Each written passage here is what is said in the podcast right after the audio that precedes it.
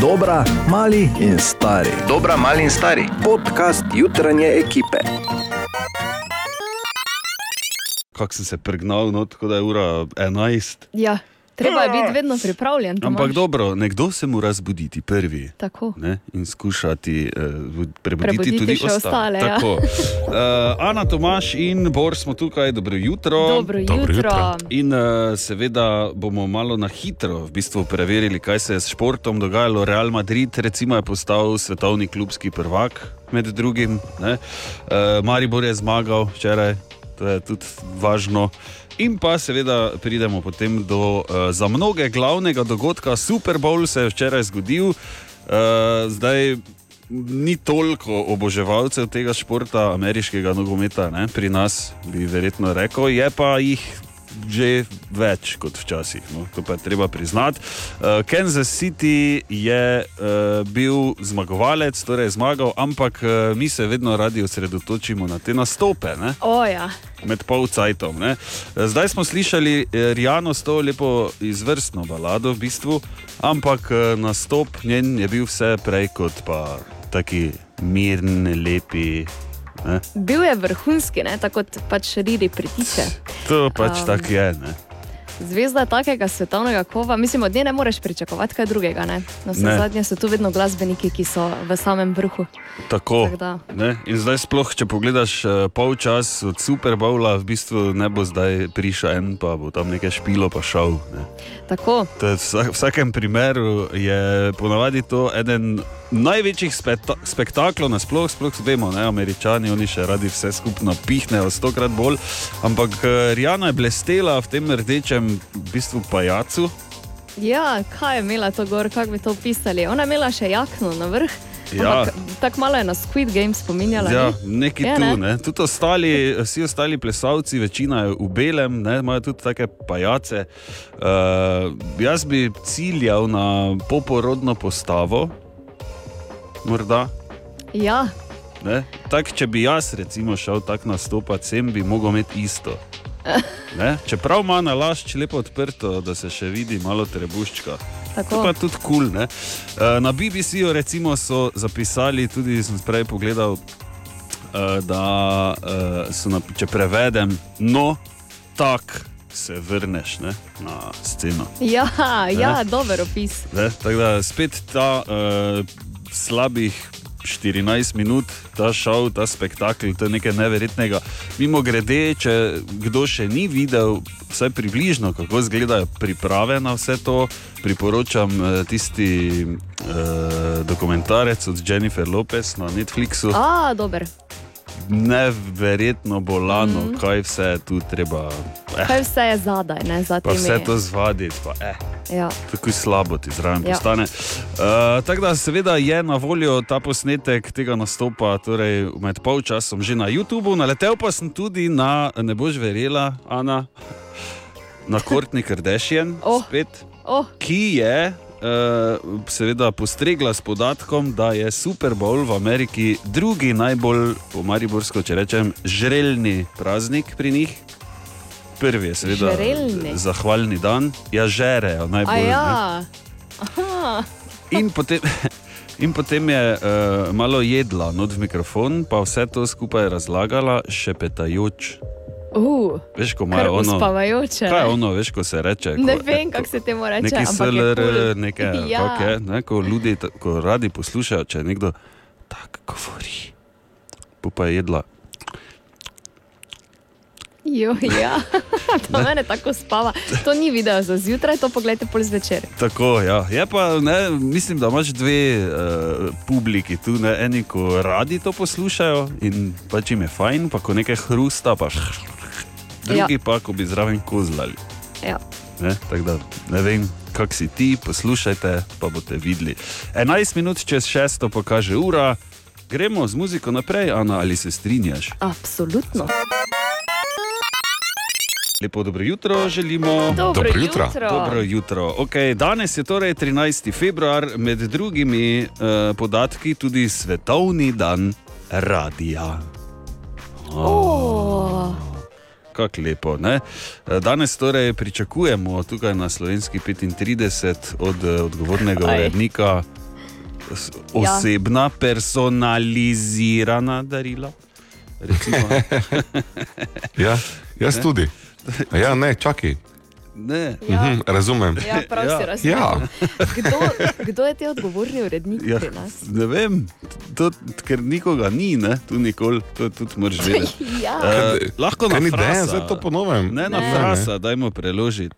Ja, Ja, fras je. okej. To bi šlo. Ne? Dobro jutro, Marko, brez pritiska. Torej. Ja, tako. Profi bojo v redu. Ja, uh, vidiš, to so zdaj eh, te dni izjemne ideje, seveda in darila. Eh, Ne vem, če sta vedela, uh, prvi radijski oglas, recimo reklama radijska, ki jih nimamo radi, če smo na drugi strani zvočnika, ne? na tej strani jih imamo radi, logično, ker nam dajo kruh pa vodo. Ja. Ne? Eh, Prvi radijski oglas je bil predvajan leta 1922, že. Wow. To je kar zgodaj. ne. Eh, Medtem ko recimo prva FM radijska postaja je začela z oddajanjem leta 1940. Hm. Tako da najprej so bile reklame, polje, koma je radio prišel. Ja. Vidiš? To mar si kaj pojasni, ne tako razmisliš. Tako, uh, zato danes debatiramo. Uh, recimo, če vaju dva vprašam, kaj je vama najbolj všeč tak pri radiju, pa ne zdaj iz tega vidika, da sta v službi na radiju, ampak včasih, ko še nista bila, bor ti si tak celica. Če, ne, Ne, res je. Torej, to, kar je meni pri radiju najbolj všeč in ja. zakaj je radio lep, je, da a, pri moderni konzumaciji medijev, kot recimo je TikTok ali pa -hmm. Facebook, ti plačuješ svojo pozornostjo in si pripričan več čas, kako je to zastojno. ja, ja. Tako da daješ recimo dnevno tri ure temu, da skrolaš nekaj, ja. od tega potegneš 20 minut zanimivih vsebin. In potem si pač tako malo po malo prepričan, kako si jo dobro odnesel v tem delu. ne. Medtem ko pa radio je medij, tako kot vsi ostali, ki tudi ima svoje slabosti, ampak um, ta pasivna pozornost, ki jo daješ, je relativno neproblematična. Oziroma, po domače povedano, nekaj od zadaj špila. Tako. In v tistih redkih momentih, ko Bor kaj pove in je zanimivo, pač greš malo v, v bolj aktivno poslušanje. In potem je zopet od zadaj in je fina zvočna kulisa. To pomeni, da je cena tega, kar radio zahteva, ker res je treba reklame včasih malo preskočiti v glavi ali pa Ja. poslušati, če so zanimive. Ampak cena radia kot medija je čudovito spremljiva napram medijem danes. Čud, mislim, kako si lepo si povedal, Ja, Bor. res. Tako da ni Eh, kaj dodati več. Ja, v bistvu jaz bi samo še dodal, da ena boljših lastnosti je, recimo, da daš na tiho ali pa prešaltaš. Tako. Ja. Sploh če, Ja. v, te, v tem primeru, recimo, to so taki izjemni, ampak to, kar pa si povedal, Bor, da to zadnji nekaj špila, ni ga lepšega. Ne? Mm, In je. čudno je, pol, včasih, ne ko se špila, ne? zgodi, ja, ne vem, da nekaj ti Ja. crkne ali da ni baterij, če imaš na nekaj. Ni, ni fajn, plus da uh, ta muzika, ki od zadaj špila, rešuje mnoge nerodne trenutke, ko si kje, pa nič ni, pa si samo tiho stojiš. Pa, La, la, la, ne. Ja, ja, ja kot črički pojejo. je res, ja, Ja. smotano. Uh, tako da lahko tudi komentiraš na Facebooku, na naši strani, uh, kaj je tebi všeč pri radiju, zakaj ga imaš rad, zakaj ne. Lahko poveš, lahko pokličeš tudi na servis 211. In medtem, ko smo mi debatirali o uh, Harryjevih oblekah na Brit nagradah, je Marko Fras poslal sliko uh, od Sema Smita v naš uh, čat tam na Messengeru, tako da lahko vmes preverita oba in si pogledata to izjemno zadevo. Ja, čudovito. Ja. Dan, gremo mi uh, reči k pomembnejšim stvarem. Jutri, jutri je Valentinovo. Joj, Jaz sem se spomnil, To je dobro. Bitcoin, če nisem do konca povedal. To si že pol, na pol si že spomnil, zmagal. si naredil, tri, ja, Ja. naredil si ti četrt stvari. Ja, ne. To ni kaj ne. Bravo. Super. Ker Ja. Vemo, da vedno se ne spomniš. Ne? Res je. Ne? Vemo pa tudi, uh, jaz sem razmišljal o možnih odzivih na ta podatek. Uh, recimo pri moških bi bilo, "E, pa kaj zdaj bolj me. eh." Potem drugi recimo, bi lahko bil jutri. Ne? Ali pa isti dan, še te še te bolj kap. Ne? Ja. Ali pa, eh, jaz že imam vse perajt. Recimo, to so taki trije. Pri ženskah odzivi, Ana, bi bili kaki, recimo, Kam gremo jesti? to je prvi. Ne? To, jaz imam dovolj, v bistvu samo hrano. No, vidiš. Ja. Potem tisti, uh, rad bi izpostavil najbolj nehvaležen odziv iz ženskih, uh, Ja. seveda iz ženske strani, je tisti, eh, meni je tako vse eno. Mhm. Rožo mi lahko prinese tudi sredi leta. Ja. Ja, seveda. Ne nasedati na take. Ne? Mhm. Tudi če je vseeno, je pa vseeno malo, meni pa ni. Ne? ja. Ne, mislim to, da ne, ne to, to ne To pride v poštev. ne. To, je samo tako. Lahko ona reče, kaj hoče. ne. Točno tako, tak da ne nasedati eh, na take, čeprav je to, vemo, ja, uvoženo z Amerike, pa bla, bla, bla, bla, bla ampak globoko notri v sebi, ah, zakaj pa ne, nisem jaz prejela ene čudovite vrtnice s čokolado. Mar sem res tako nepomembna, mar se obleke perejo same. To se jaz večkrat vprašam, ne samo na Valentinovo. veš. ja. E, mi, moški, pa dosti krat sli, radi slišimo taka vprašanja, čeprav ne pravim, da mi nikoli nič ne damo prat, ali pa da samo ve, morate prat. Ali kaj sem zdaj? Ja, zdaj še reče, da pere in tako stroj, pa si zmagal. Ne? Ja, to sem že Ja, rekel ja, enkrat. saj to je to. O, Tine! Zdravo, Otine. Ja, servus. je zdravo, Tine. Bor, si tu? Ja. Seveda sem, sem čakam, da najprej mojstre pozdravi. Ne? Ja, okay. Kdo je zdaj to? Ti. Ti ne. Lepo zdrav. Glej, ja, ti ne. Si ti opazil zdaj to igro nisem. besed, ti ne. Zdaj komaj opazil. Ne? Ja, ti ne. Ti ne. O moj bog. Super. Ah, glej, ponedeljek je ne. Ja, To pa lažemo zato se z ravno, malimi stvarmi. Ja, ne, te bi moglo biti vse bolj na easy, ne pa s takimi zahtevami. Ja. Samo bor ti tudi v Samo četrtek ti imaš take ne finte. znaš. Ne? Ja. Ja. Pa Tudi tisti, ki izbirajo lažjo pot, vedno, po moje, ne znajo. Ker recimo ti si danes prišel v službo s kolesom, Pa se nisi njokal, recimo. tako pa Se si nisi zavzel. jokal. Ja. Samo belo imaš tu okrog, ne? vse po faci dol. Ja, pa lahko bi me zdaj recimo z iglo pikal, pa ne bi čutil, ker je še zdaj vse mrtvo. Ja, trdo vse. Ja. e, pohvale, Tine, da kolesariš eh, v bistvu vseh vremenskih razmerah. Skoraj vseh. Ja. Razen ko piha, takrat ne. Ja, pa ko prevroče. Kaj imamo, Tine? Čuj, tebe že dolgo ni bilo tako zjutraj tu, pa sem se zdaj odločil, ker veš, da imam tudi file, imam, ko imam Aha. 7000, ne. Te pa Ja. jaz rekel, start, ti pa reči stop, pa okay. da vidimo, kaj bo. Te pa daj, Te pa 3, 4, zdaj. stop.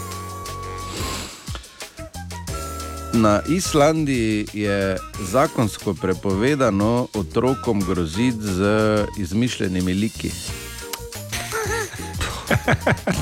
te pa tako cela vzgoja propade. Ja, glej. Mislim, Čeprav ne niso vem, če je znani tu- po teh likih. Tu ne. božiček, noč spada, recimo, ne? če ne nič pene, ali kaj to zdrav spada. Pa Ne, Dobro, božiček ni izmišljen lik. Ne Ja, vem, pa- Ja, Pardon. Tina. Ja, Kaj pa, ja, kaj te je izmišljen lik? Se Ja, ne sploh- vem. sploh ga ni. Bau, bau. Je Bau, bau, ja, recimo. evo. Bau, bau pod pojslo ali pa pomaga. Ne, eh, to ni izmišljeno, to tako da. Ti,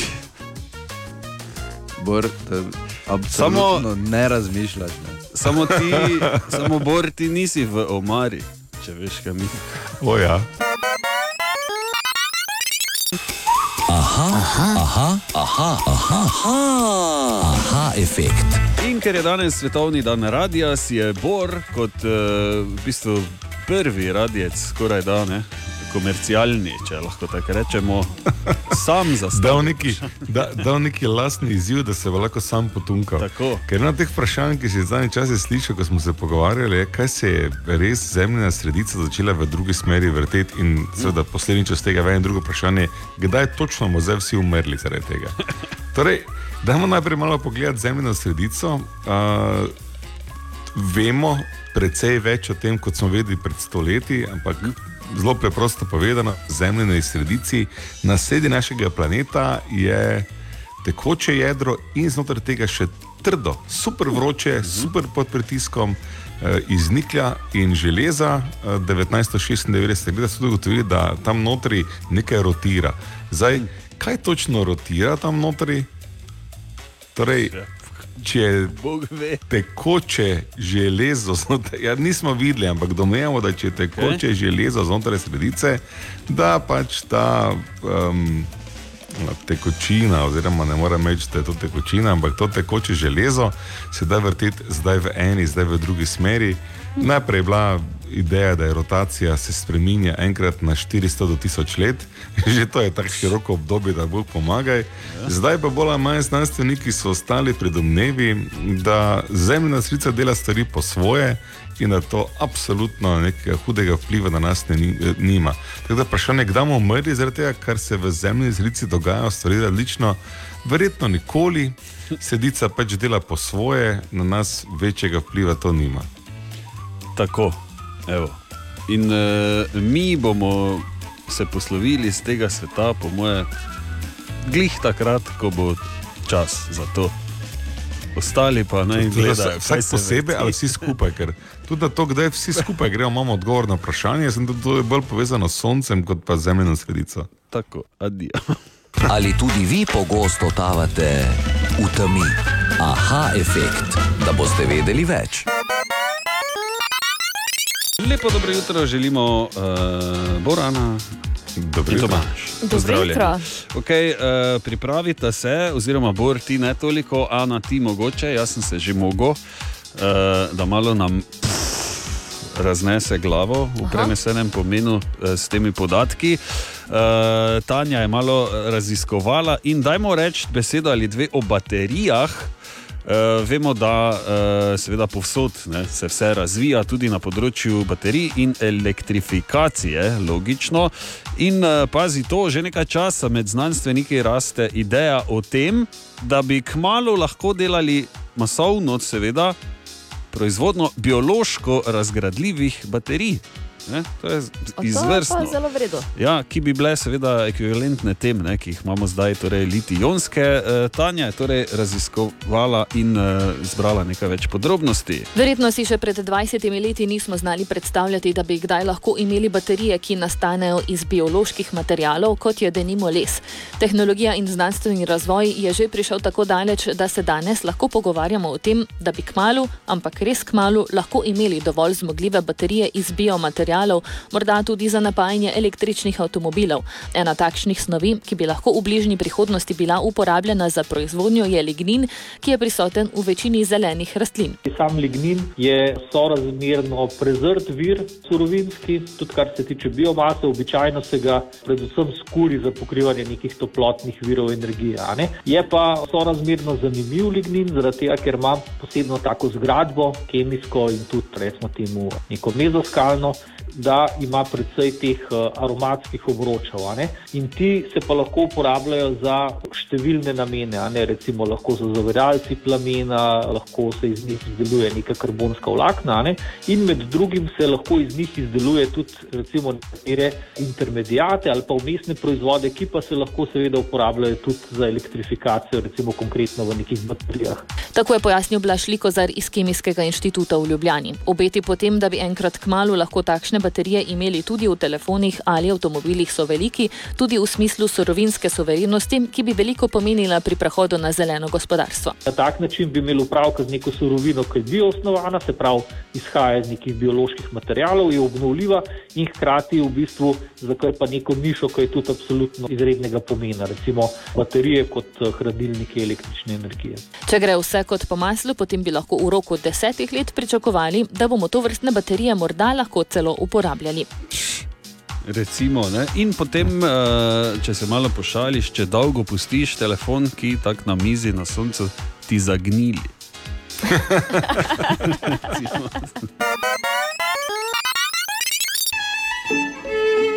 Napočil je čas. Ja. Napočil je čas, da se usedem pred ogledalo, v popolni tišini se zazrem vase, ne noter, ampak v špegel, si pogledam v oči in si rečem: Če je zunaj mrzlo, se temu primerno tudi obuj, ti trotl. Če je zunaj mrzlo, si daj gor debelo bundo, ti trotl. Če je zunaj mrzlo, si daj gor tudi kapo, ti trotl. Ne morem verjeti, da se mi pri tej starosti dogajajo enake stvari, kot da bi bil star ne vem, 16 in me ne bi zeblo in bi pač, ja, se pa te. To je že zelo redko, je to, da tebe sploh zebe. Ker ti si, po mojem, ti si. Ne, zdaj bom rekla, da si vroč, pa ne mislim. Ja, ja, vem, kaj misliš. Ampak neverjetno, ne? da enako je recimo poleti, se tudi zgodi dosti krat. Lani se mi sicer ni prvič v vseh svojih 500 letih življenja, da me sonce ni skurlo. O, bravo. Ampak čisto vsako leto, pa točno veš, kaj bo, pa točno veš, kaj moraš narediti, da se to ne zgodi, ampak ne. Ti slon, pač moraš biti slon. Neverjetno. No. Tako da, morda danes, ko pridem domov, se bom sedel pred ogledalo in rekel: Dovolj, Neodgovornosti, ne? tako začni razmišljati, stari. Tako in Da za malo klima na toplo pa bo, ne? Boma, boma, ne? Ja, bomo nekaj Veš, mogla bova. narediti. Ja. Dobro jutro. Dobro jutro. Ugibaj, kaj je to. Ljubezen. Valentinova podlaga. Ker sem v iskalnik napisal Valentinova podlaga, In je našla. ker bomo govorili o Valentinovem, ker je danes Valentinovo. Dobro. E, torej, god svetega Valentina, Ja. ki so ga usmrtili leta 269, ker je v nasprotju s cesarjevo odredbo poročal mlade pare. Baraba. Kakšen grih. No, zdaj, 1800 let nazaj bi rekel, da je bil greh, ja? Ja. ampak eh, vsa čast, sveti Valentin, ne? da si šel mimo tega, da si se uprl, pa so tam neki v nekih kleteh, not ne onopši. Zdaj sta mož in žena pljuvita se hitro, Ja, v petih minutah so bili gotovi. pol pa so ga dobili. Okay, torej praznuje se praznik zaljubljencev zaradi svetega Valentina. Sicer pa je zdravil božjasnike, torej tiste, ki so imeli epilepsijo, tudi ljudi z bolečinami v trebuhu in očeh, pa živino, ki naj bi jo varoval pred živinsko kugo. Tako da je obenem tudi zavetnik epilepsije in zavetnik čebelarjev. Res, tega pa nisem vedela. Jaz tudi ne. Zanimivo. Tako da eh, sveti Valentin danes eh, obstaja vprašanje, ki se poraja. Kilo čokolade ali vrtnico? Ne? In če bi sveti Valentin poslušal vse, kar se danes menimo o Valentinovem in kaj počnemo na Valentinovo, in kaj se vse prodaja na Valentinovo. Uh, ne vem, vredno se bi izkopal iz groba ven. Ne? Najbrž ja. Ampak to je bilo 1800 let nazaj in uh, žal mi je, da Sveti Valentin ni živ danes, v današnjem času, da bi lahko recimo slišal, kako čudovito skladbo je napisal Werner. Ne? To je bilo, to je bilo, to je bilo na Valentinovo. Mislim, To to je je fantastično. izjemno, je, ja. Praznujete ali ne, 14. februar je danes Valentinovo in mi želimo dobro jutro. Dobro jutro. Jutri torej gremo v Maribox, Ant-Man in Osa Quantumania ob 19. uri v Mariboxu, nova Marvel, Marvelova kreacija. Priznam, na neki točki v življenju sem uh, mislil, da bom uh, uspel pogledati vse Marvelove filme, ampak potem so jih nasipali toliko, da sem se nekaj vmes izgubil. Ampak eh, še vedno jih delajo, še vedno so zanimivi, super akcija uh, za pogled. Nasploh, če dobiš karte za ston, tako da. Ha, ha, ha.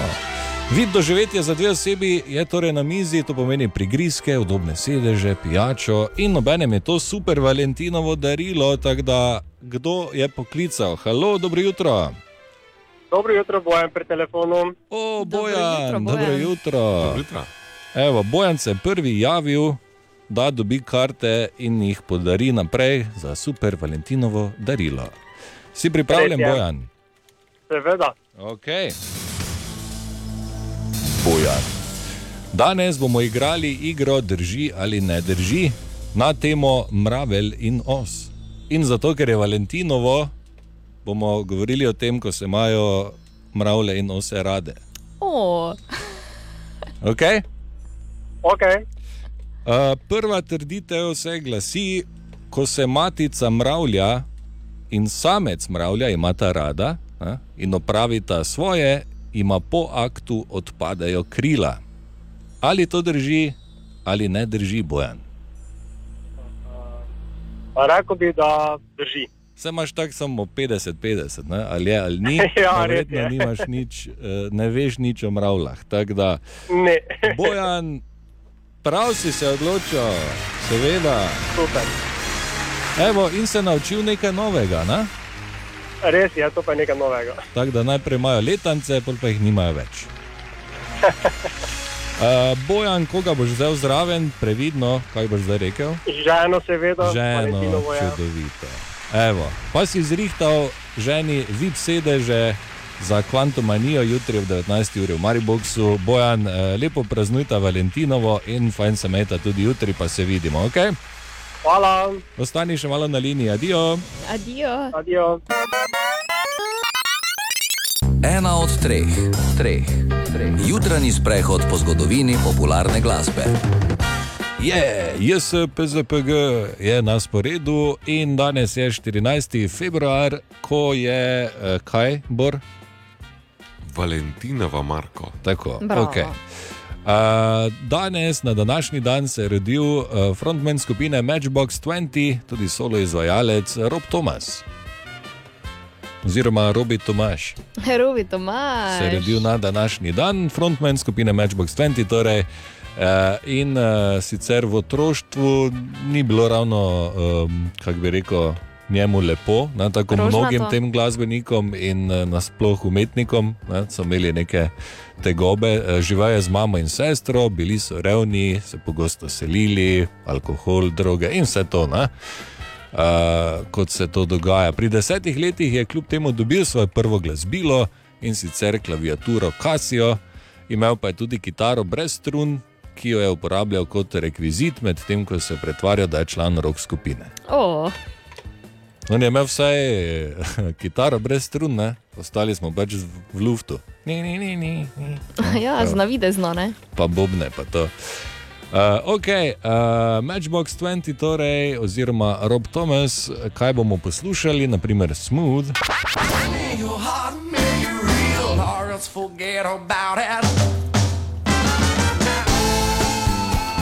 Santano, seveda, Eh, Ta pesem je bila izdana leta 1999, v njem Wow. torej deluje Carlos Santana. 12 tednov je bila na prvem mestu lestvice Billboard Hot 100 in je Tomasu prenesla tri gremije za posnetek leta, pesem leta, najboljše pop sodelovanje z vokalom in v svojem eh, 12-tedenskem mandatu. Na prvem mestu je dejansko prestopil tisočletje, postal je zadnji številka ena v 90-ih in prvi v 2000-ih. O, noro. Fantastično, ne? Ampak lahko poslušamo tudi Lonely No More.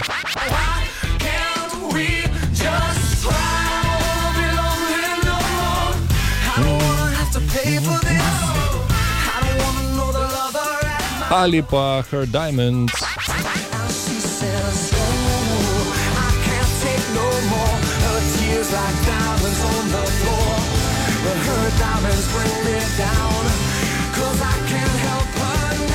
Ali pa seveda od Matchbox 20 njihova najpopularnejša skladba 3AM, ampak 657 je trenutno, ne? vseeno lahko zavrtimo. Dobro jutro! Dobro jutro. In eh, ker je torek, je tukaj Jaša. Zdravo. O. Naše mesto je tako mesto, kjer boste dobili odgovor na tisto večno, malo filozofsko, malo evolucijsko vprašanje. Kaj je bilo prej, kura ali jajce? Sploh valjda na tržnici. Tam imajo taka vprašanja še posebej radi.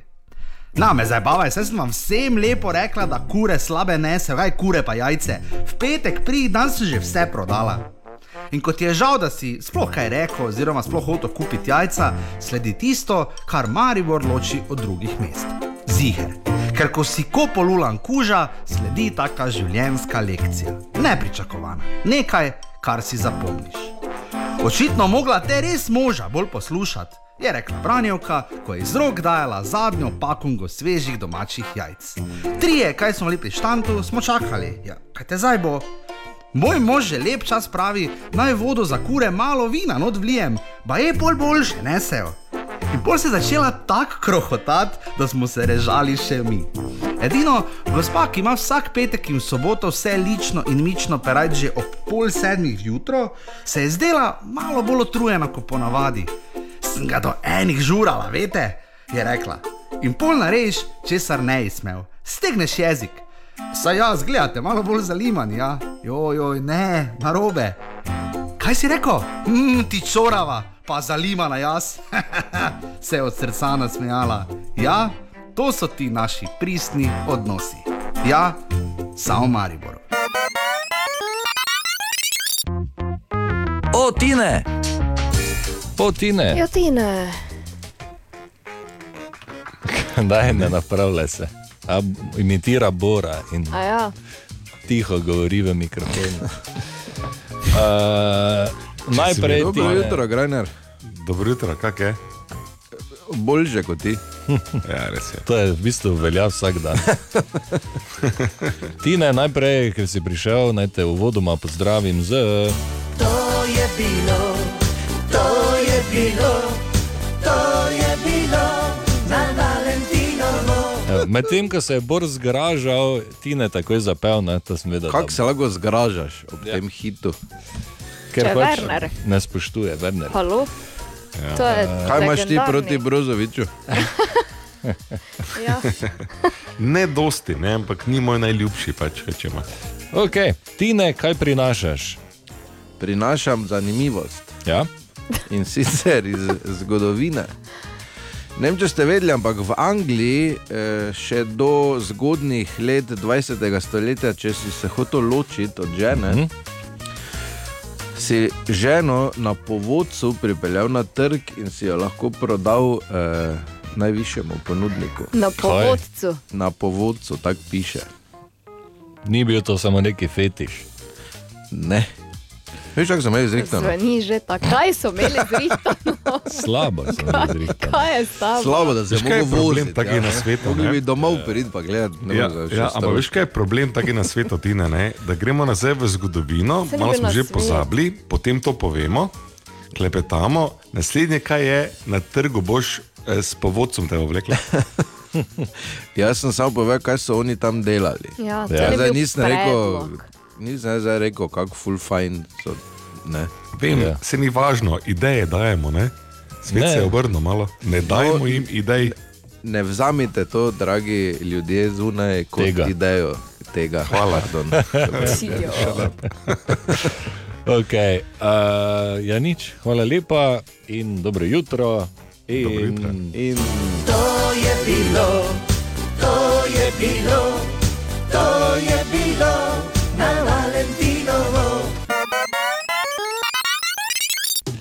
in želimo dobro jutro. Dobro jutro. Dobro jutro. In tukaj je ena raziskava, ki morda malo sovpada tudi z Valentinovim, morda ne. Uh, Tanja je šla v raziskovanje in se obadala z vprašanjem, kaj bi odgovorili na vprašanje, če bi vam kdo ponudil priložnost, da bi delali s partnerjem v istem podjetju. Hmm, Zanimivo. hmm, hmm. Odveli bomo, da kakšna slaba polovica bi to delala, ena Ja. dobra polovica pa je pametnejša. Okay. Torej, raziskavo so opravili, Tanja, povej. V anketi je sodelovalo 877 ljudi in kar 53 odstotkov jih ne želi delati v istem podjetju kot njihov partner, večinoma zaradi osebnih preferenc. Tisti, ki so odgovorili z da, teh je bilo 47 odstotkov, pa prednosti v takšni zaposlitvi vidijo predvsem v boljših odnosih. In kakšne so prednosti ter slabosti partnerskega odnosa na delovnem mestu? No, tisti, ki si ne želijo partnerja videvati v službi, so kot najpogostejši argument za to rekli, da je potrebno ločevati poklicno in zasebno življenje. Menijo, da vsak partner potrebuje različne osebe okoli sebe, oziroma da potrebuje partner stik z zunanjim svetom. Delo skupaj, da ni zdravo za odnos, menijo, ker bi lahko spodbudilo tekmovalnost med partnerjema. Kot en razlog pa navajajo tudi možnost izkoriščanja partnerja za dosego ciljev, pa tudi problemi, ki jih imaš doma, se na to prenesejo v službo. Navedli so tudi pomisleke, da obstaja stopnja tveganja, da oba istočasno izgubita vir dohodka, pa tudi strah pred odnosi ob morebitni prekinitvi zveze. No, tisti, ki bi bili za delitev službe s partnerjem, pa so drugačnega mnenja in menijo, da ima takšno delo številne prednosti. Kot recimo, več časa preživitega skupaj, kar bi pomenilo boljši odnos, ko si s partnerjem delite urnik, menijo isti življenjski slog, imata skupne interese in kot so navedli nekateri, tudi partnerja pod nadzorom, kar bi lahko ukrepilo zasebni odnos. In odgovor je bilo tudi, da je bolje, ker se poznata in lahko tudi v službi bolje sodelujeta in bi zato hitreje, pa tudi uspešneje opravila zadužitve. Eden izmed argumentov je bil tudi precej romantičen, da lahko partner poskrbi, da delovni dan lažje mine, da nudi podporo, da razume situacijo. Oboji pa so mnenja, da je treba za uspešno zvezo na delovnem mestu znati preklopiti med zasebnim in poklicnim življenjem. Kaj pa menite vi, bi lahko delali 8 ur s partnerjem v službi, na to pa šli skupaj domov, ko bi si še delila prosti čas? Ali je potem to prosti čas? Hmm. Hmm. Bor je že podal svoje mnenje. Ja, pa enkrat smo imeli en projekt skupaj, pa je rekla, da nikoli več. tako Da. Aha, ona je rekla, da nikoli več. Ti, ti boš meni govoril, da sem jaz nestrpen, da sem zahteven. pa Tak, sem tako, no, kaj te to je zdaj? Ne? Najslabša sodelavka kadarkoli. Joj. Ja, je-. Pri meni tudi ne vem, ker jaz sem eh, izjemno počasna oseba, premikam se kot lenivec in tudi stvari počnem zelo počasi kot lenivec in je to že tu pa tam, da, da meni bom jaz, ker ti boš rabo 600 let. Tako da, ja, mogoče, mogoče raje ne. Ana pa modro molči. Dobro jutro. Dobro jutro.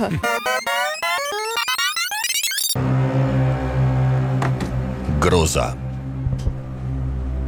Ja, Strah in trepet. tukaj. Pred kratkim smo na spletu zasledili znanstveni članek z naslovom V stratosferi se razvija nov in močnejši dogodek segrevanja, ki bo zrušil polarno cirkulacijo.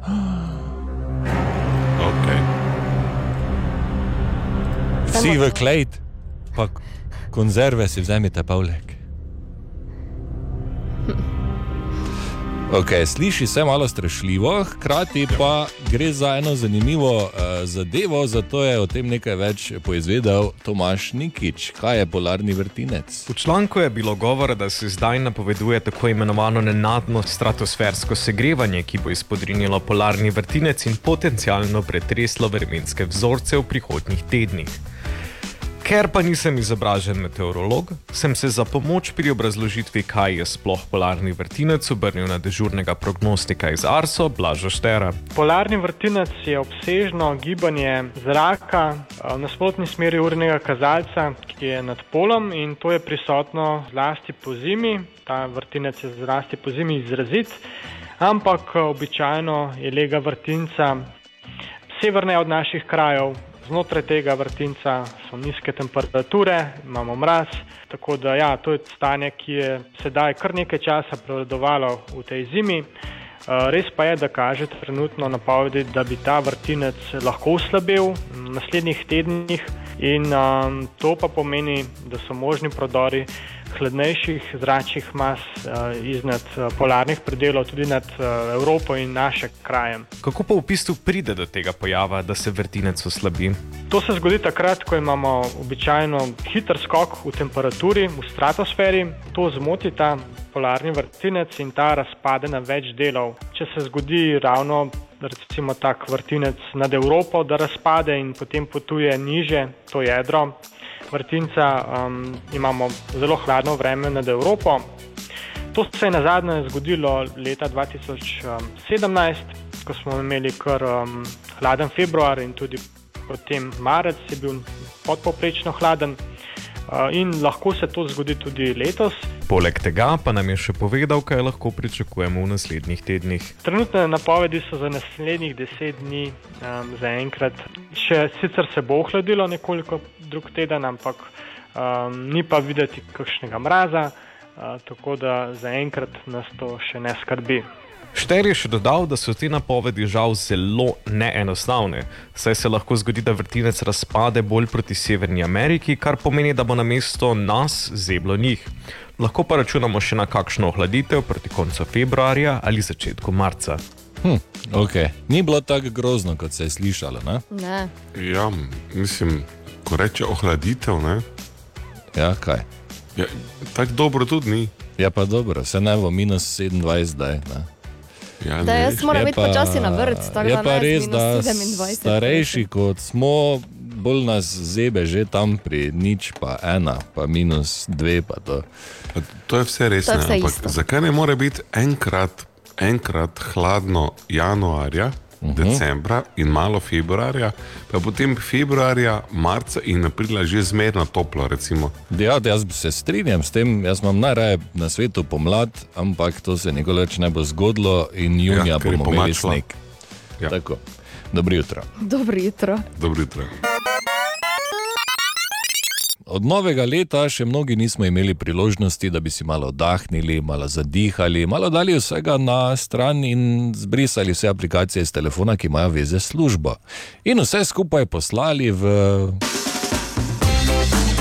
Saj veste to, kam, ne? in se odpravili tja, ja. nekam na lušno. To bi bilo fajn, ne? nismo še imeli te priložnosti, ampak, dame in gospodje, to se bo zdaj spremenilo, kajti Bor je založil za vse skupaj, za cel Maribor in gremo.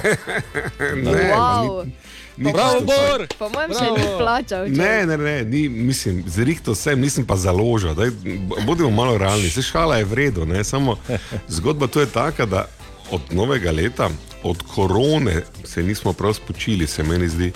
In um, dve stvari sta se tukaj zdaj staknili. Takoj, seveda, ko smo rekli, nekam se moramo iti vtrgati, je na misel prišla turistična agencija Sonček. Mm. -hmm. Oni so naša hišna agencija, poznamo se 30 let.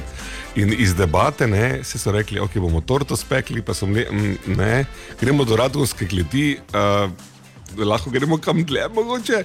In se zmeni za ta pravzaprav sindikalni izlet v, pazi zdaj, trr, Toskano. O, bravo. Ja, ja, ja. Toskanski paradiž ali pa pobeg v Toskano, oddih v Toskani. Imenujte, kaj hočete. Pobeg v Toskano se mi sliši kul. Cool.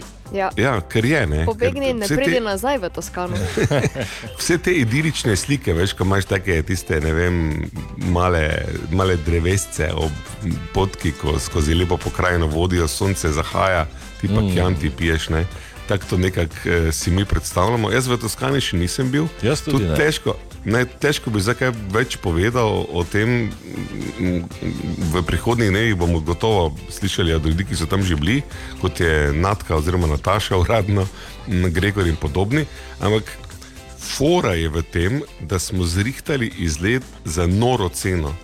Torej, uradna cena je čez 400 evrov, ampak mi smo se zmenili, da če bomo šli malo več nas in temu rečemo sindikalni izlet, torej na radiju kdorkoli hoče, od poslušalcev kdorkoli hoče, bomo ceno spustili na 359 evrov. In 359 evrov za tri dni Toskane, To gre skozi. rekel, ne? gre skozi. Tako da uh, edini keč je, da je treba to hitro rezervirati uh Mhm. -huh. in um, hitro čapniti, ker mm, zaenkrat imamo dva avtobusa in to je to. Ne?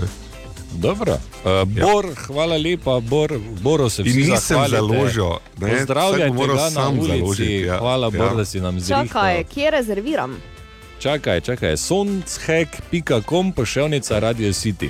Tam Aha, uh, okej. najdeš, rezerviraš in gremo skupaj v Toskano. ne? Evo, Ali pa greš do prve poslovalnice Sončka, ne, oziroma na Sončko spletno stran. Ali pa Tako. do prve poslovalnice, ker Tako. najbližja je, Eh. je, je, je tu na glavnem trgu. Ne. Evo, rešeno v Toskano, torej gremo, da si malo oddahnemo. Boru se treba zahvaliti, da založi za vse skupaj. In, Nisem založil, grem, grem pa. Deva rešena. Dobro jutro. Dobro jutro. In hitro eno trinek iz zgodovine človeštva. Na današnji dan leta 1903 sta Morris Micton in njegova žena Rose v ZDA predstavila prvega plišastega medvedka. Ali veste, odkot uh, ime plišastemu medvedku, torej v originalu Teddy Bear? Teddy. Ker je nekdo, nekdo mogel biti Ted, ne? Ne. Samo izumitelja nista bila, ne? Uh, po Theodoru Rooseveltu. Res. se Ali imenuje. Ted. Ja, Theodor. Ted, No, ampak Ted je ja, lahko Dobro, kdorkoli. ni bil samo nekdo, bil- se strinjam, bil je predsednik, ampak rekel sem, ja, ok. In zgodba je takšna, da je baje so bili nekje na lovu in so našli uh, ranjenega medveda, ki je bil privezan na uh, drevo. In sta dve verziji, torej da je Theodor ga ustrelil iz milosti, torej da ga reši muk, druga Pa, pa, originalna verzija sigurno res. druga pa da ga je izpustil in rešil. Kakorkoli že. To smo pa sčasoma spremenili, tako vse pravljice, Vse, ja. ki so v originalu grozne, mm. pa pa sčasoma ratejo zanimive. Tako, skratka, Moris je pisal predsedniku, če lahko uporabi ime Teddy za plišastega medvedka, in je rekel: Ja. In to je to. Tri minute, kaj se dereš, kaj si ti no. Ana, si ti v redu? Jo, To si si zapela zraven, kaj je to bilo? ne vemo, kaj je bilo. Uh, želimo pa dobro jutro. Dobro jutro. In predstavljali si bomo, da ta kana zveni v določenih minutkih Ja, njenega kot- življenja, ko je posebej srečna za trenutek. Ja, ko je na VC-ju. Pa daj Marko. Kaj si neprimeren? Ok, to ne je, mislim, kak vrej prehod zdaj iz tega Ja, v tako se bomo drli v nedeljo, Ja, ja, nedeljo tak, ja. ja. derbi. Na tekmi, gol! O, Tine! O, Tine! Ja, servus! Zdravo! Dobro jutro, Zdravo. daj nehaj. Če čujem, kako čago imate, kaj te delate? Ja, taki dan je, ne? Glej, Ja. ja. pač jaz sem. Pri eh, nikoli ne takih zvokov. To je res, jaz sem predejano, nismo sindikalnega izleta v Toskano zmislili. Ojoj, Več kam to vodi? sonchek.com slash radio city, tako da. Kam bor, zdaj, zdaj smo Pa še na našo spletno stran go spravo, ja kam v Toskano, Marko, kam? Kaj, ti prideš na obisk, pa kar preneseš sesalec Pa zraven. prodaja. Glej, jaz sem Ja, to pa tu malo primi, pa, pa imeli. če bi prak pobrisal. Ma- eh, Ana, ti pa za kozarce, če spoliraš, prosim. Ja, tako se delo razdeli. Uh, Tine pa lahko pove zanimivost. Ne, da bi me bo nekam poslal. Tebe ne, herta, nikamor te ne moreš. Herta.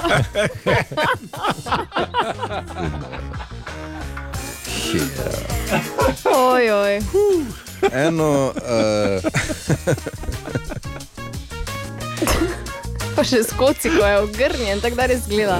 Okej. znanstveno dokazano dejstvo, da 85 odstotkov stvari, zaradi katerih se sekiramo, se nikoli ne zgodijo. Ja, Hm. to pa je res. Razen če imaš pač bora v mislih, to se bolj kot ne vse v resnici. Ja, ne? 99,9. Da bo Bor nekaj pozabil. Tako. Eh, Pa to se sekiraš. stoprocentno. Ali pa da bo vsaj nerazumljivo povedal, da ne vem kaj hujšega rekel. Zmuto. Okay, uh, hvala lepa, Ja. da si nas nasmejal, šalivec Tine. Ja. In do jutri zjutraj z Bogom. Z Bogom. Dobro jutro želimo. Dobro jutro. Dobro jutro. In eh, Bor je napisal in izdal avtobiografijo. Ja, z naslovom Slovensko budalo. Tako. ne, čakaj. Ni, ni Naj- to. Ne, ne, ne, naj razložim počasi. Uh, informativni dnevi, ki prihajajo, so za marsikaterega dijaka prekretnica v smislu, kako bo nadaljeval svojo kariero. In uh, mi, stara generacija, si mislimo, da te mlade fante in deklice, kak še sploh nimajo pojma, kaj delajo in kam grejo. Medtem pa se svet tako spremenil, Marko, da ko sem jaz se pogovarjal z enim izmed dijakov pred dnevi, ime mu je mm, Dani Sima. In je bolj znan po svojem YouTube oziroma virtualnem vzdelku Slovensko budalo, sem fino ugotovil, ne, da kdo je tukaj za res budalo. Človek služi več kot mi trije skupaj, pa je še dijak. Zato, ker se je v tem digitalnem svetu seveda odlično znašel, na TikToku sedita vi dobro zdaj? Ja. Ima približno um, tak, na en poprečen post, ki traja 15 sekund, ima uh, 30, 40, 50 tisoč uh, lajkov in Wow. ogledov. Wow. Uh, kumulativno število ogledov za Danijo oziroma slovensko budalo 12 milijonov na TikToku. Se- kaj se zafrkavaš? Tako da, eh, ko sem šel na eh, srednjo šolo za trženje in dizajn, katere dijak je, sem imel samo eno preprosto vprašanje, ali ti je šola kaj pri tem pomagala, in, in tako naprej. In ugotovil, da so kar razumevajoči za nove poklice, kak ne bi bili, ne, se je trženje in dizajn sta pravzaprav povezana z tem, da se človek eh, hitro mora obrniti in znati. Ampak to na stran. Z Danijem, oziroma z gospodom Slovensko budalo, sem opravil taki mini zanimiv intervju, ki se je začel z Marko, kaj misliš? Ne vem. Za dobro jutro. Ne? A, okay. Dobro jutro. Dobro jutro. Začniva tam, kjer najbolj boli. Kaj si, slabo tikava? Ja, normalno. Kaj si ti razmišljal, ko si si dal uh, ime Slovensko budalo? Ja, nič pravzaprav, ampak eh, zveni dobro, to je prvo kot prvo, pa postavi vprašanje, ne, zakaj slovensko budalo. Če bi si dal ime Dani, ne, bi bilo ok, Dani mu je ime, tu pa je zakaj slovensko buda lol, še L imam na koncu, še to veš, zakaj lol. Tako da pač to je bolj, da je bolj zanimivo. Ne. Dol je lahko League of Legends ali pa lahko Laughing Out Loud. Ne? Ja, tudi, ampak to je kao lol, ne, lol. Če se o metriki pogovarjamo, ne, eh, koliko ljudi v Sloveniji, na koliko ljudi v Sloveniji slovensko budalo vpliva na katerih omrežjih? Ja, zdaj je najbolj popularno omrežje je TikTok, tam imam 135 tisoč sledilcev, na Instagramu 27 tisoč, pa na YouTubu 58 tisoč. Vprašanje, kaj teh 135 tisoč na TikToku ponavadi vidi? Ja, mene, kako se preoblačim žensko. pa pač, no, nekaj probam nasmejati ljudi. Ne, ne bom zdaj jaz učil nečesa, če sam ne vem neke stvari. Ne. Zveni zabavno, ampak tudi hkrati posel. Ne? Kaj pa ta del, kako ti ta uspeva? Ja, kruh imam, vodo imam, super gre. Ne? Pač cene imam svoje neke. Naprimer, če mi napiše neki sponzor, mu dam ceno, naredim video in narv žep. Okay. Vem, da so to poslovne skrivnosti, bom tako rekel, se da od tega že živeti. Ja, če znaš to pravilno izkoristiti, se da od tega živeti. Če pa ne znaš delati v tem svetu biznisa, pa pač. Kak se kdo znajde, glavno tako bom povedal. Splača se. Poslej pa človek vpraša, kdo je tu za res slovensko budalo? Mi vsi smo slovensko budalo. Marko, Zelo ker pazi, zanimivo. ne, To je, ja, on, je, on je dijak srednje ja. šole za trženje in dizajn Maribor, to je ta šola tu pri Parku Gori. Ne? In samo to bom rekel, Tinček, če si poslušal, ne? on se v žensko preoblači. Tvoja ideja. Ja, ne, ne, on je vzel Tinčkovo idejo, jo prenesel v digitalno, ji dal steroide in lepo služi pubec. Bravo. Ja. To nedeljo ob 15. uri v Ljudskem vrtu, večni derbi, Maribor Olimpija, mi imamo karte, ki jih lahko dobiš, če si seveda član ali članica Vijolčnega kluba Radio City. Učlaniš se lahko na www.radiocity.si. In uh, tako je to storila tudi Mojca, Mojca, dobro jutro. Dobro jutro, ja tudi vam. Hvala lepa, Mojca, dve karti za večni derbi, sta tvoji. Jo, res, takoj? Ja, res, ja, res. To, to pa ste me res, ali najlepše jutro naredili, res. Ja, super, lepo, Mojca, lepo. Uh, povej, že nestrpno pričakuješ nedeljo? Pa ja, valjda, normalno, nestrpno že pričakujem. Ok, tako vsi skupaj. Ne? Uh, in napoved, morda, mojca, imaš kakšno napoved za tekmo? Ja, to zdaj ne bom rekel, ker je težko, ne, ampak želim pa si, da seveda Maribor zmaga. ne. Logično, tako da si. Ampak če bi mogla morda povedati nek rezultat, recimo Ali bo 3-0 ali pa 2-1, nekako tako. Za Maribor seveda. 3-0 ali pa 2-1, zveni dobro, se strinjaš, Ana. Absolutno. Okej. In Upam, da bo tako tudi jaz. Ja, mojca, čestitke še enkrat, dve karti sta torej tvoji. Hvala vam še enkrat. Ni problema, mojca, uživaj in Maribor. Šampion. Dobro jutro. Dobro jutro. Dobro jutro. Dan po še eni Sitikino premjeri, po še enem uh, VIP doživetju Sitikino premjere za tiste najsrečnejše v našem primernem hitrem kvizu. V vsakem primeru pa smo si včeraj ogledali novega iz Marvelovih studijev uh, v Mariboku, Ant-Man in Osa, torej in Quantumania. Torej 3D, pa Dolby, pa.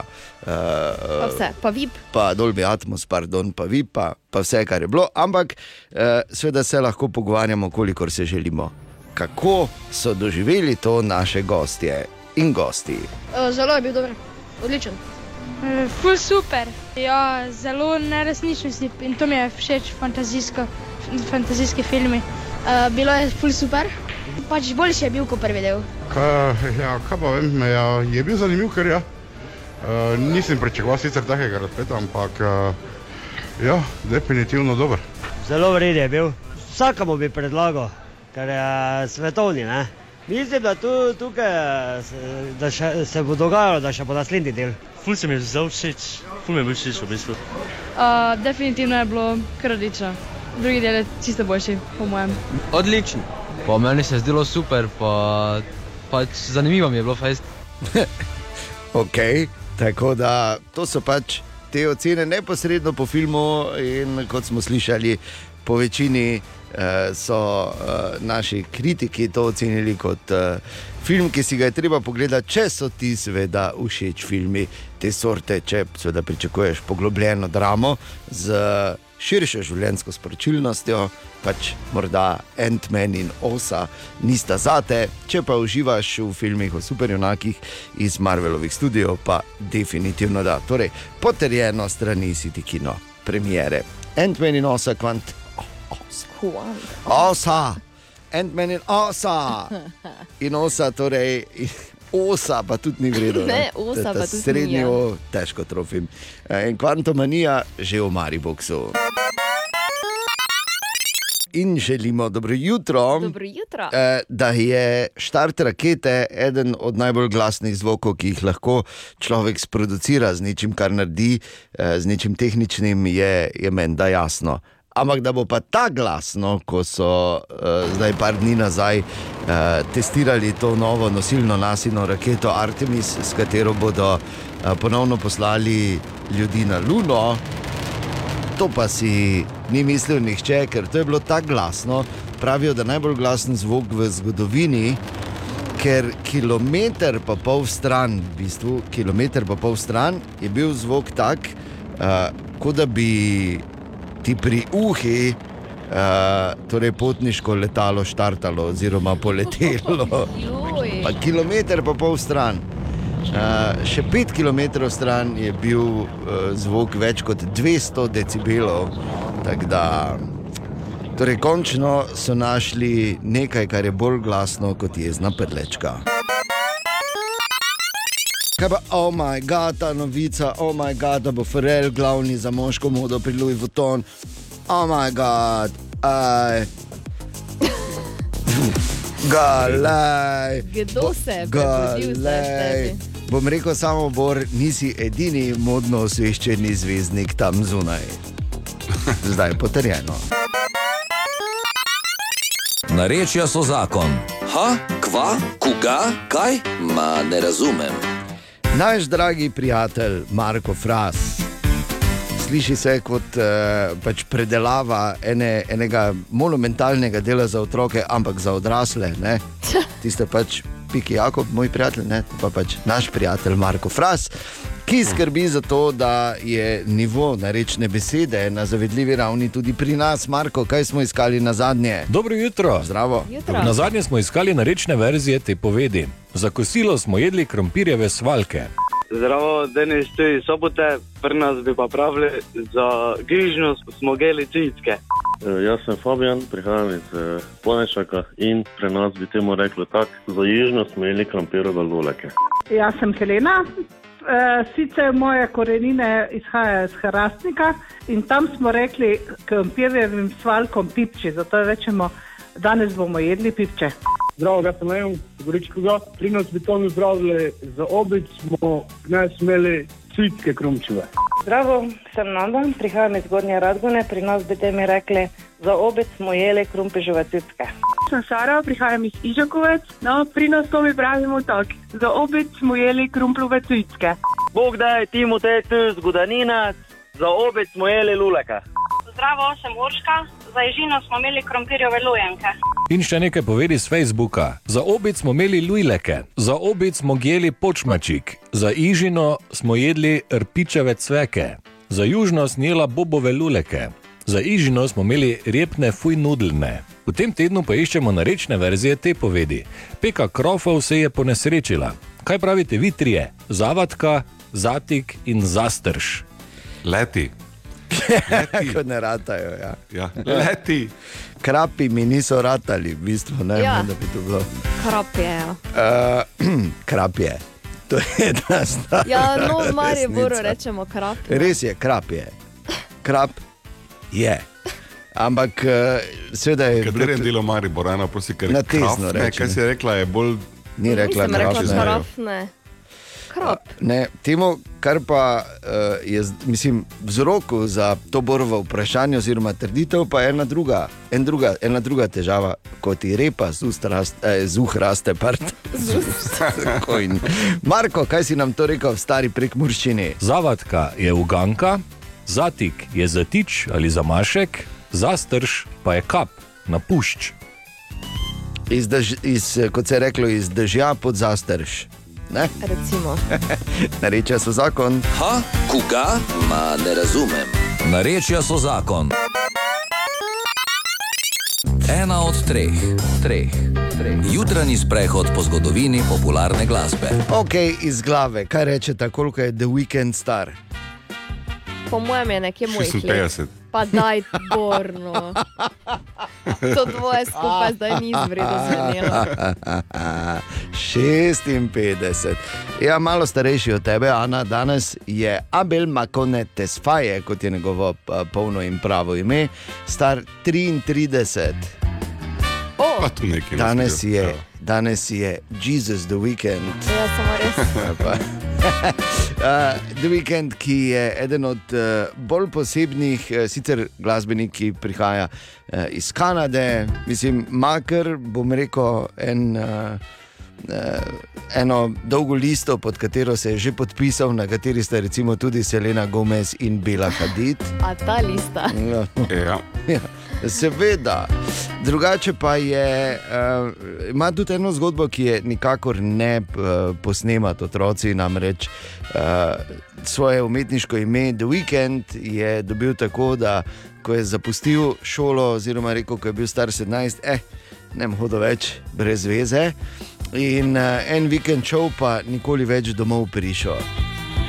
Tako da, The Weekend.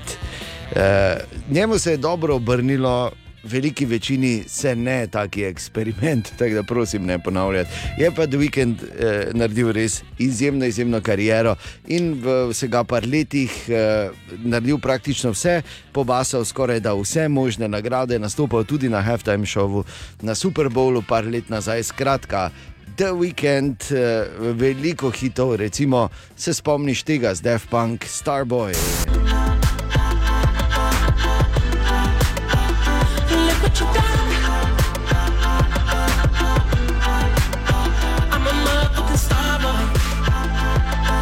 Ali pa denimo Save Your Tears za Jano Grande.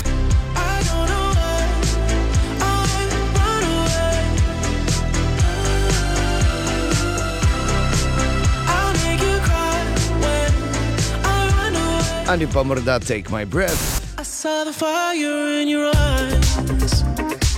I saw the fire. The Weeknd, ki je uh, imel tudi to srečo, da se je ne samo pač tista zgodba za šolo, da je šlo vse v redu in skozi tudi z njegovo idejo, kaj če bi jaz uh, delal glasbo v stilu 80-ih, pa bi naredil neki revival, razumeš? Pa da probam, razumeš. In se je izjemno izteklo. In danes je star 33, tukaj je svojo prvo uspešnico Blinding Lights.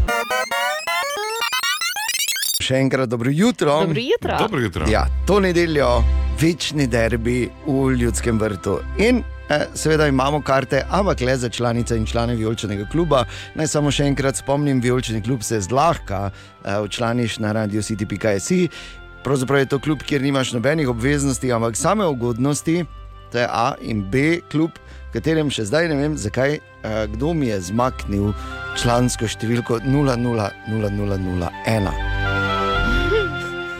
Se moram z, mojim, z, našim, z, mojim, z našim računalničarjem malo pomeniti, ker je to kar grdo. Ne? Ja, pa kak si ti lahko v klubu, mi dva pa ne, zborom? Ja, to se jaz tudi sprašujem. Aha. Ni, ni problem v meni. A ni, a ni, dobro. Ne. Okay, torej, eh, vijolični klub in članice in člani, in eh, zgodi se to tako, da pač zvoni telefon. In eh, nič kot bo zdaj pri Mihi, Miha. Prav, Miha pri telefonu. Ja, zdravo, Miha, dve karti za derbi, večni derbi, to nedeljo v Ljudskem vrtu, izvoli. Kaj se zdaj vate? Ja, to je pa super, ja, hvala. Je, a, Miha, ni problema. Gled, član vijoličnega kluba si in to je to. Da povej mi, Miha, se spomniš tako iz glave na uh, katerega od večnih derbijev? Spomnim se enega nedobrega, tisto, ko je dal bomber karkoli z glave. ne. To je zdaj prvi, ki mi v glavo prije, Fuj. vse predtem pa. Aha, ko je dal Tava v, Mare, v Ljubljani gol za 2-1. Mm, Tisto sezono, ko se je igrala Liga Evropa, se mi zdi. lepo, ne? Ko se tak človek spomni za nazaj. Uh, Miha, imaš eh, na dan derbija, na dan večnega derbija, kakšen obred slučajno? Uh, čist iskreno, nimam, razen to, da pošljem mesiče vsem, ki jih poznam z Ljubljane. Da, pač, ja, tako da lahko je v bistvu neke, neke vrste obredno. No, vidiš, pa tako lepo pridemo skupaj na koncu, ugotovimo, da, da imamo. Miha, kaj praviš, kak bo rezultat? Ja, nič bo 2-1 za nas. Po tam malem. Maribor, šampion. Tako in se vidimo v nedeljo ob treh v Ljudskem vrtu, oziroma vsaj dve uri prej, že ne, malo po mestu, malo na južni ploščadi, tako se gre. Drži se, Miha. Hvala vam za klic. Ne? Ja, ni problema. Dio. Dio, Adijo. torej, še en član Violčnega kluba z dvema kartama za večni derbi. Maribor. Šampion. Veš, da imaš vse sorte naslovov tam zunaj, se strinjaš, Bor? Uh, vse sorte. Sigurno. Tudi Clickbait danes. naslovi, provokativni naslovi, lažnivi naslovi, vse. zanimivi naslovi, dolgi naslovi. Hvala, Ana, bravo. Tako. In tudi naslov, ki pravi takole, in ga lahko verjetno poljubno nadaljuješ. In sicer naslov, ki sem ga prebral, pravi: Direktor obljublja, inšpektori kaznujejo. Dalje bi šlo tu, kurenti ružijo, ne? golobi pikajo. Ne bo ta nič dodala? Ne, a. Verjetno boljše. Ne? Mhm.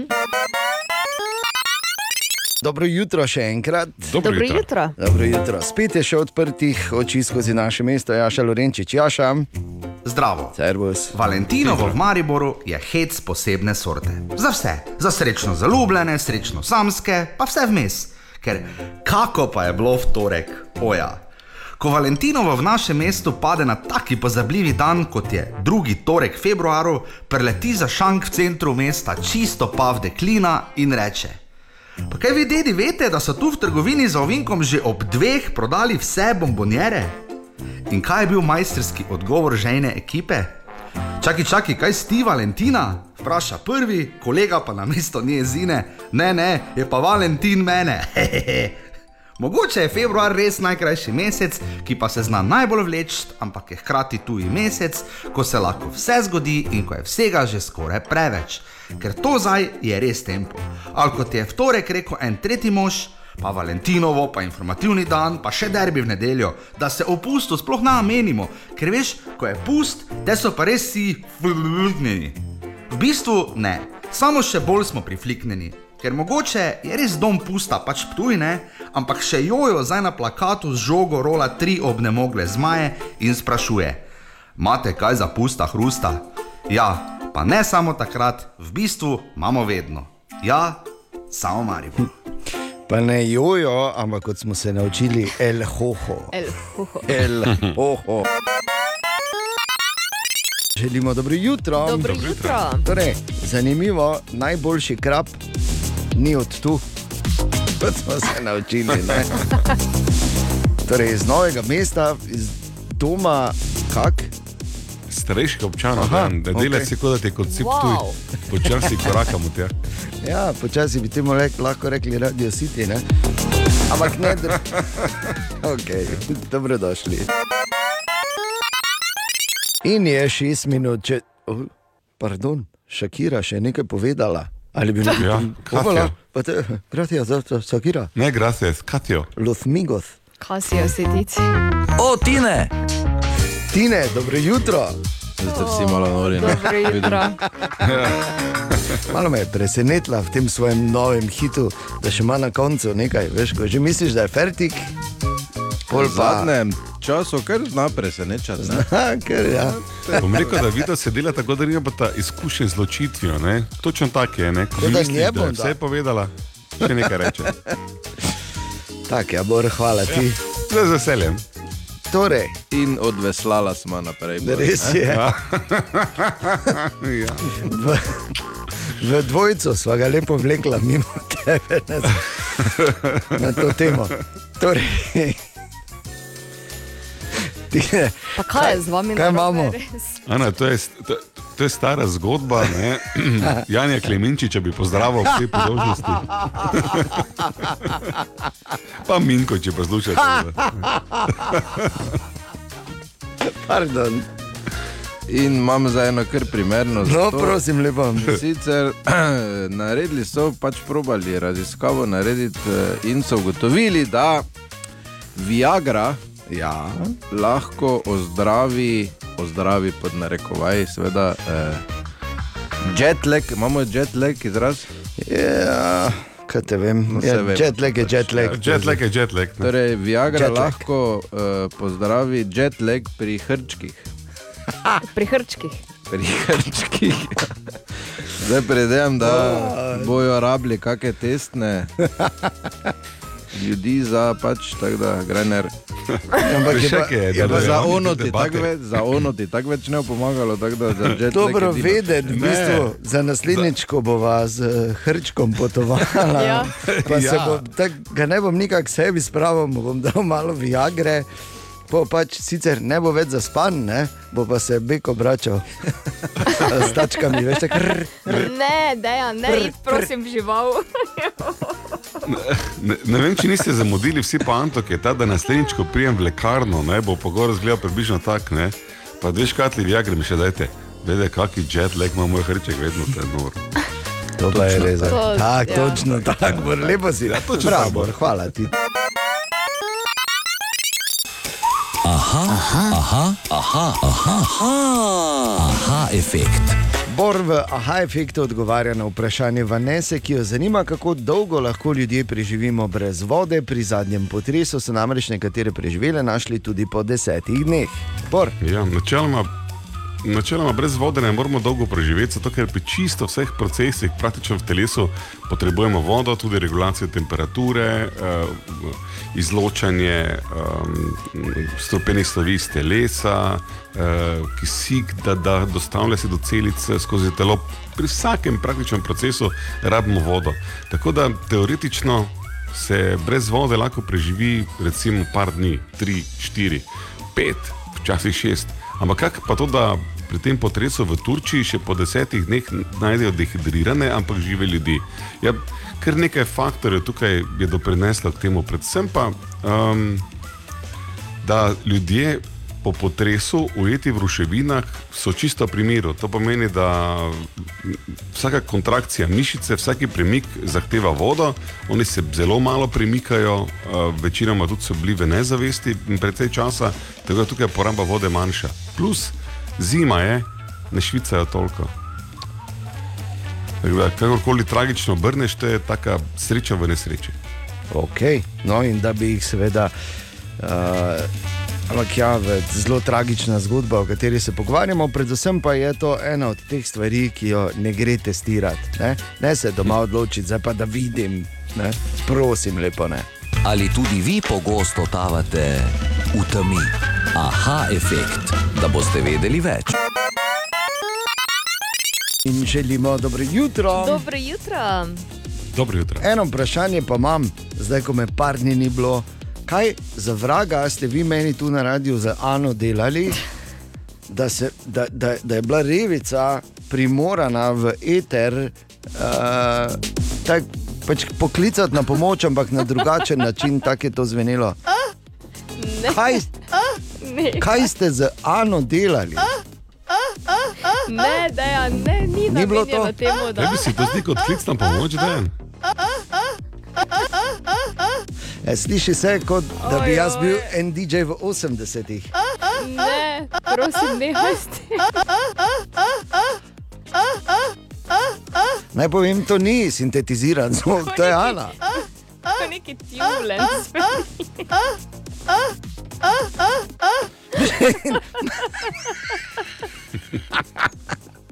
Preveč je bilo to zdaj. Dobrodošli. Še enkrat dobro jutro. Dobro jutro. Dobro jutro. E, danes je 16. februar. Buongiorno. Tako. Tako. Ker so zdaj vsi vedeli, kaj sem hotel povedati. In Ja, hvala lepa, Bor, da si. Ja, ful. ne, da ne bi kdo slučajno mislil. Buongiorno, mio caro amici Dejano. Dejano. Pa Ja, ni amiko, ni amiko, ker amici je množina. Ne? Ampak lepo, E, če no, vikaš, če- ne Kako je vem. italijano, sta vidva? Ja, ne, ker Ja, Ja. bambini. Pobeg v Toskano. Tako, pobeg v Toskano, to je nekaj, kar uh, svetujemo, kar bi tudi uh, minister za zdravje v bistvu lahko podpisal, da deluje zelo blagodejno za duha in telo. Ampak vsi vemo, Italijan uh, zna naviti cene. Ne?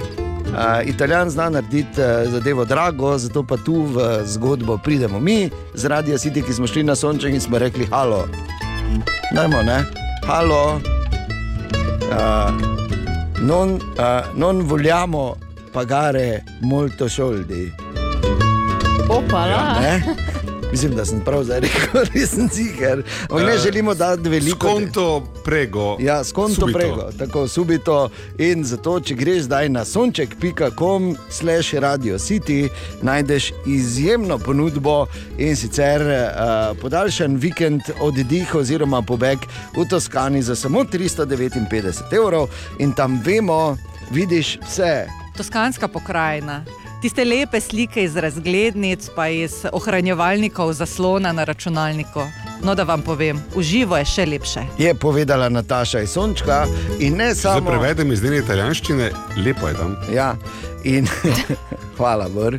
In ne samo, da boste tam eh, videli to slikovito pokrajino in doživeli Toskano, tako kot se spodobi in to organizirano, eh, da boste gledali tam stare platane, tiste lepe, ne in pol boš videl Oh. platana, platana, platana, platana, bor, platana, platana, platana, platana.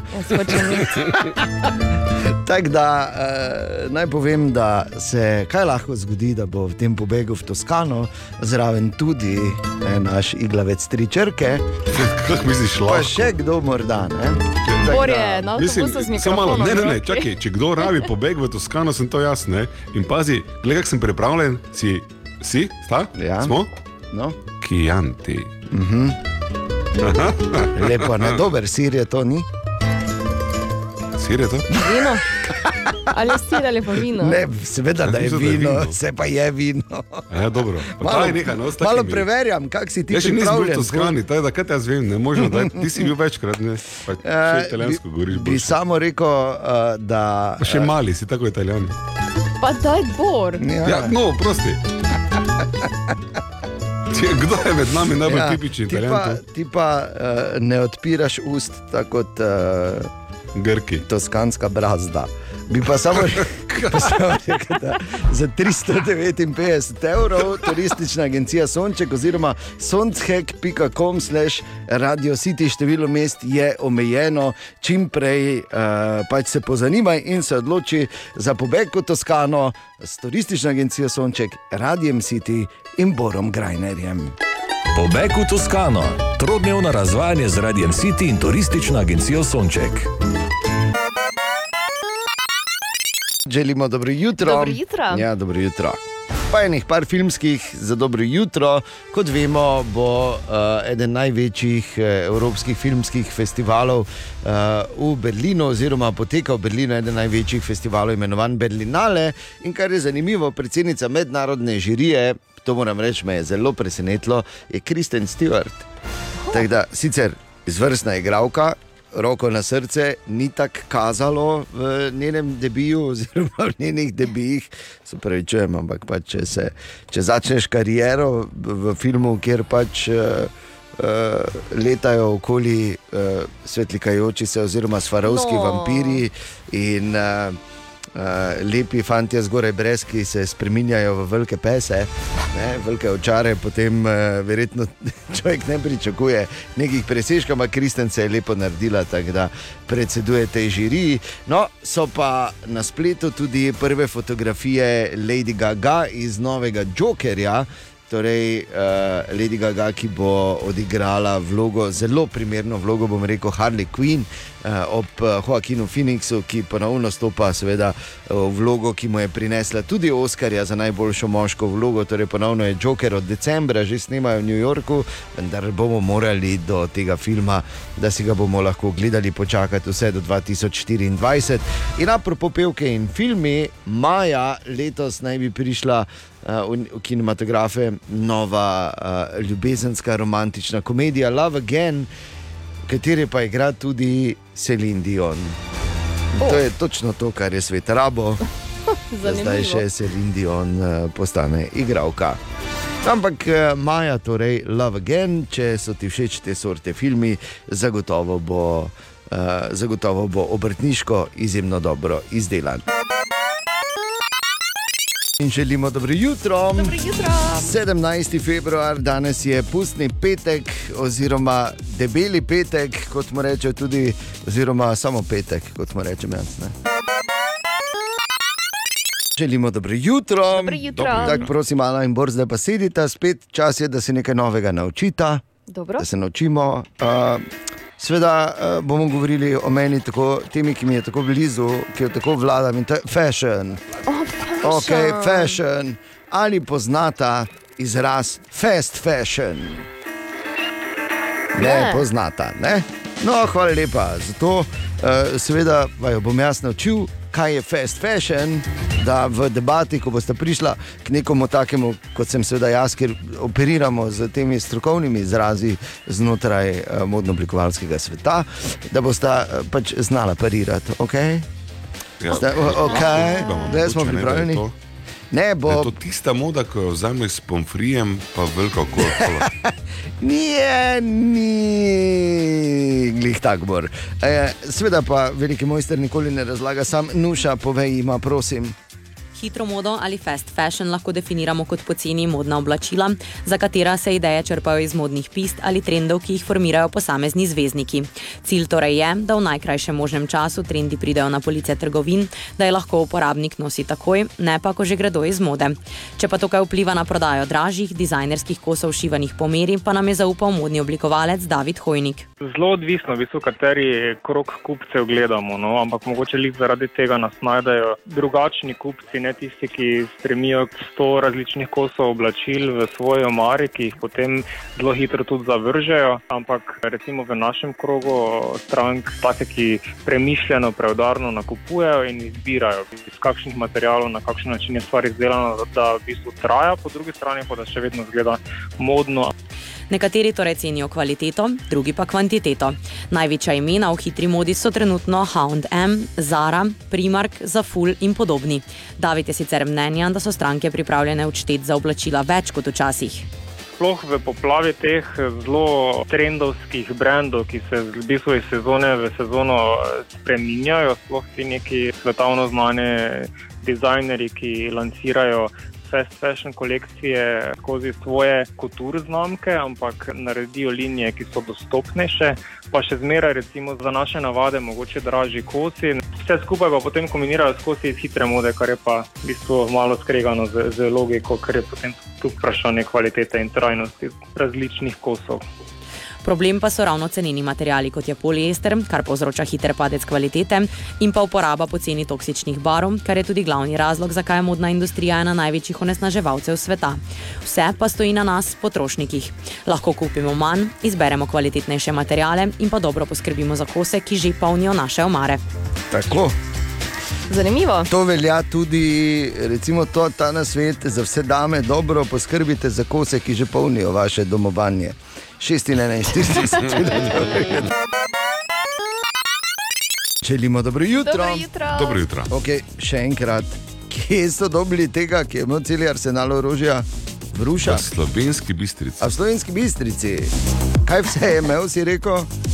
Le, kaj, kaj ni imel? imel, ne? Neke palce z uh, Kaj si ti optičnimi ja? napravami. Žigalnike za granate, bombe. Pištoli, bili ne registrirani. Čakaj, haubico tudi mogoče, ali pa vsaj minometov ni mali. Joj, daj, no. Ja, piše premer cevine, tako da. Če bi blizu je vojašnice doma, ne vem. Ne. Zigar hotel nazaj zavzeti tri žeble. tako Da, mogoče, mogoče bi ga morali še pustiti kaki dan, dva, pa da reši tisto na pohorju, pa pol. Ne? Ja. Teh 300 nabojev, kaj, kaj je imel? ne? Ja, zdaj večje škode ne bi mogel narediti, ampak bi pa zadal se vragu enih par udarcev. Da, kaj si, no, to je možno samo pri nas. Še enkrat dobro jutro. Dobro jutro. Dobro jutro. Dobro jutro. Petek je, vemo, kaj to pomeni. Skoraj nemogoče vprašanje. Oh, kakšna. Skrita navduse, navdušenje. Ja. Ja. Vemo, da se napravljaš, Bor. ja, glej. Torej, tudi tokrat vprašanje korenini v statistiki, narejeni v Evropski uniji, tudi tokrat je morda vprašanje veliko bolj zanimivo od odgovora, ali pač. Pazita.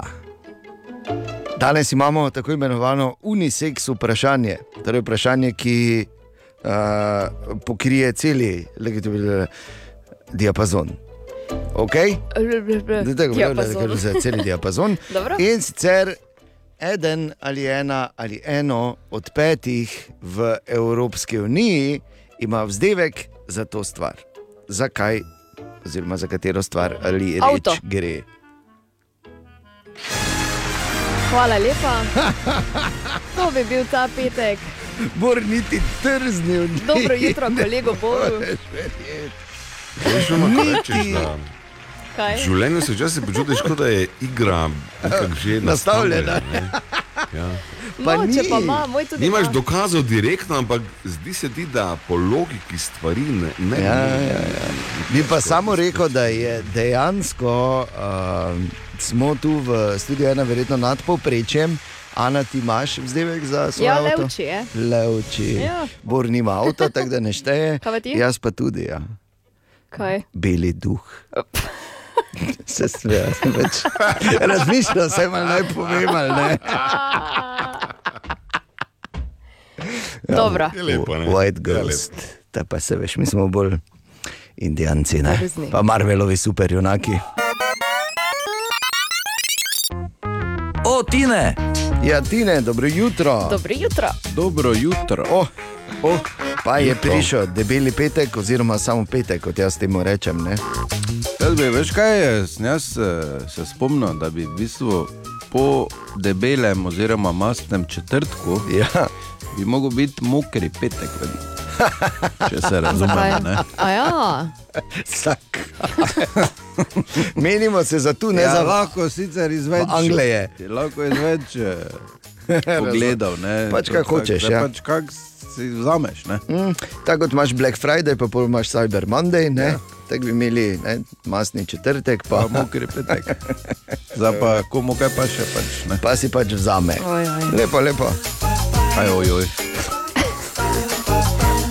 Kaj? Ja, Ja, Da smo vsi imeli malo pauzo, smo si predstavljali ta mokri del pri tem petku. Ne? Jaz sem samo špricer imel v mislih. ja, tudi jaz. E, jaz sem zdaj to malo razširil, ne? ker recimo. Ti bi se Ne, recimo razširil. lahko Grajner, Ana pa ja. tako vemo. Kam, Ja, pa ne, ne, vse tudi poznamo, recimo tradicijo zalivanja, tudi to je. Ne, Ja, to smo mislili. Ja. Ja. Pa ni za noter, ampak je na, od zunaj. ne. Tako. In to potem odpira polje možnosti. V redu, kaj se, hvala Bogu. Daj si piši to dol za takrat, ko je šel v Toskano skupaj z Ja. ja. vsemi, ne pa tudi z Venecijo. Ja, ja. Zakaj ne bi bil moker? Ja, ja, ja, se strinjam. te bi bil pridivači, Ja. vunku ja.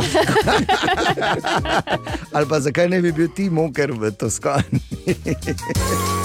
yeah. Oj, oj. Dobro, a, kaj smo rekli, Tine za danes? še. Ja, vem, ja, pa pač. Kaj boš? e, Ma kdo težave z kovcanjem? Ja. Oh. Jo, ko mene začne, ne? Moj prijatelj Dejan in jaz imamo čudovito zgodbo. Ko je Ja. enkrat delal prenos tekme in je začel, in do polčasa ni nehal. Celo, celi polcajt, katastrofa. Tu danes zjutraj me je veš, malo samo kocnilo in je bila takoj, o ne, prosim. Je, to je, pri njem je to. Eh. Ja, no. Zdaj točno vem, kako faco boš naredil. ne. Ah. Ampak eh, do zdaj sta bila zabeležena vsaj dva medicinska primera. Oj, oj. Oj, oj, ja. Ni, ja, ni mi všeč, da so zdravniki rešili kovcanje Ne, ja, ne. Kak? z masiranjem. Česa? Ja, po mojem komulca ne, ne, tako kot je začel. Oziroma z rektalno masažo, prsti so rešili kovcanje. Vsaj dva zabeležena Ja, in nič. eh, primera, ki sta delovala. Ne. Ja, Ana, Ne, za, začni si ne, rokavice videla nositi, sem, kaj boš rekel. vazelin.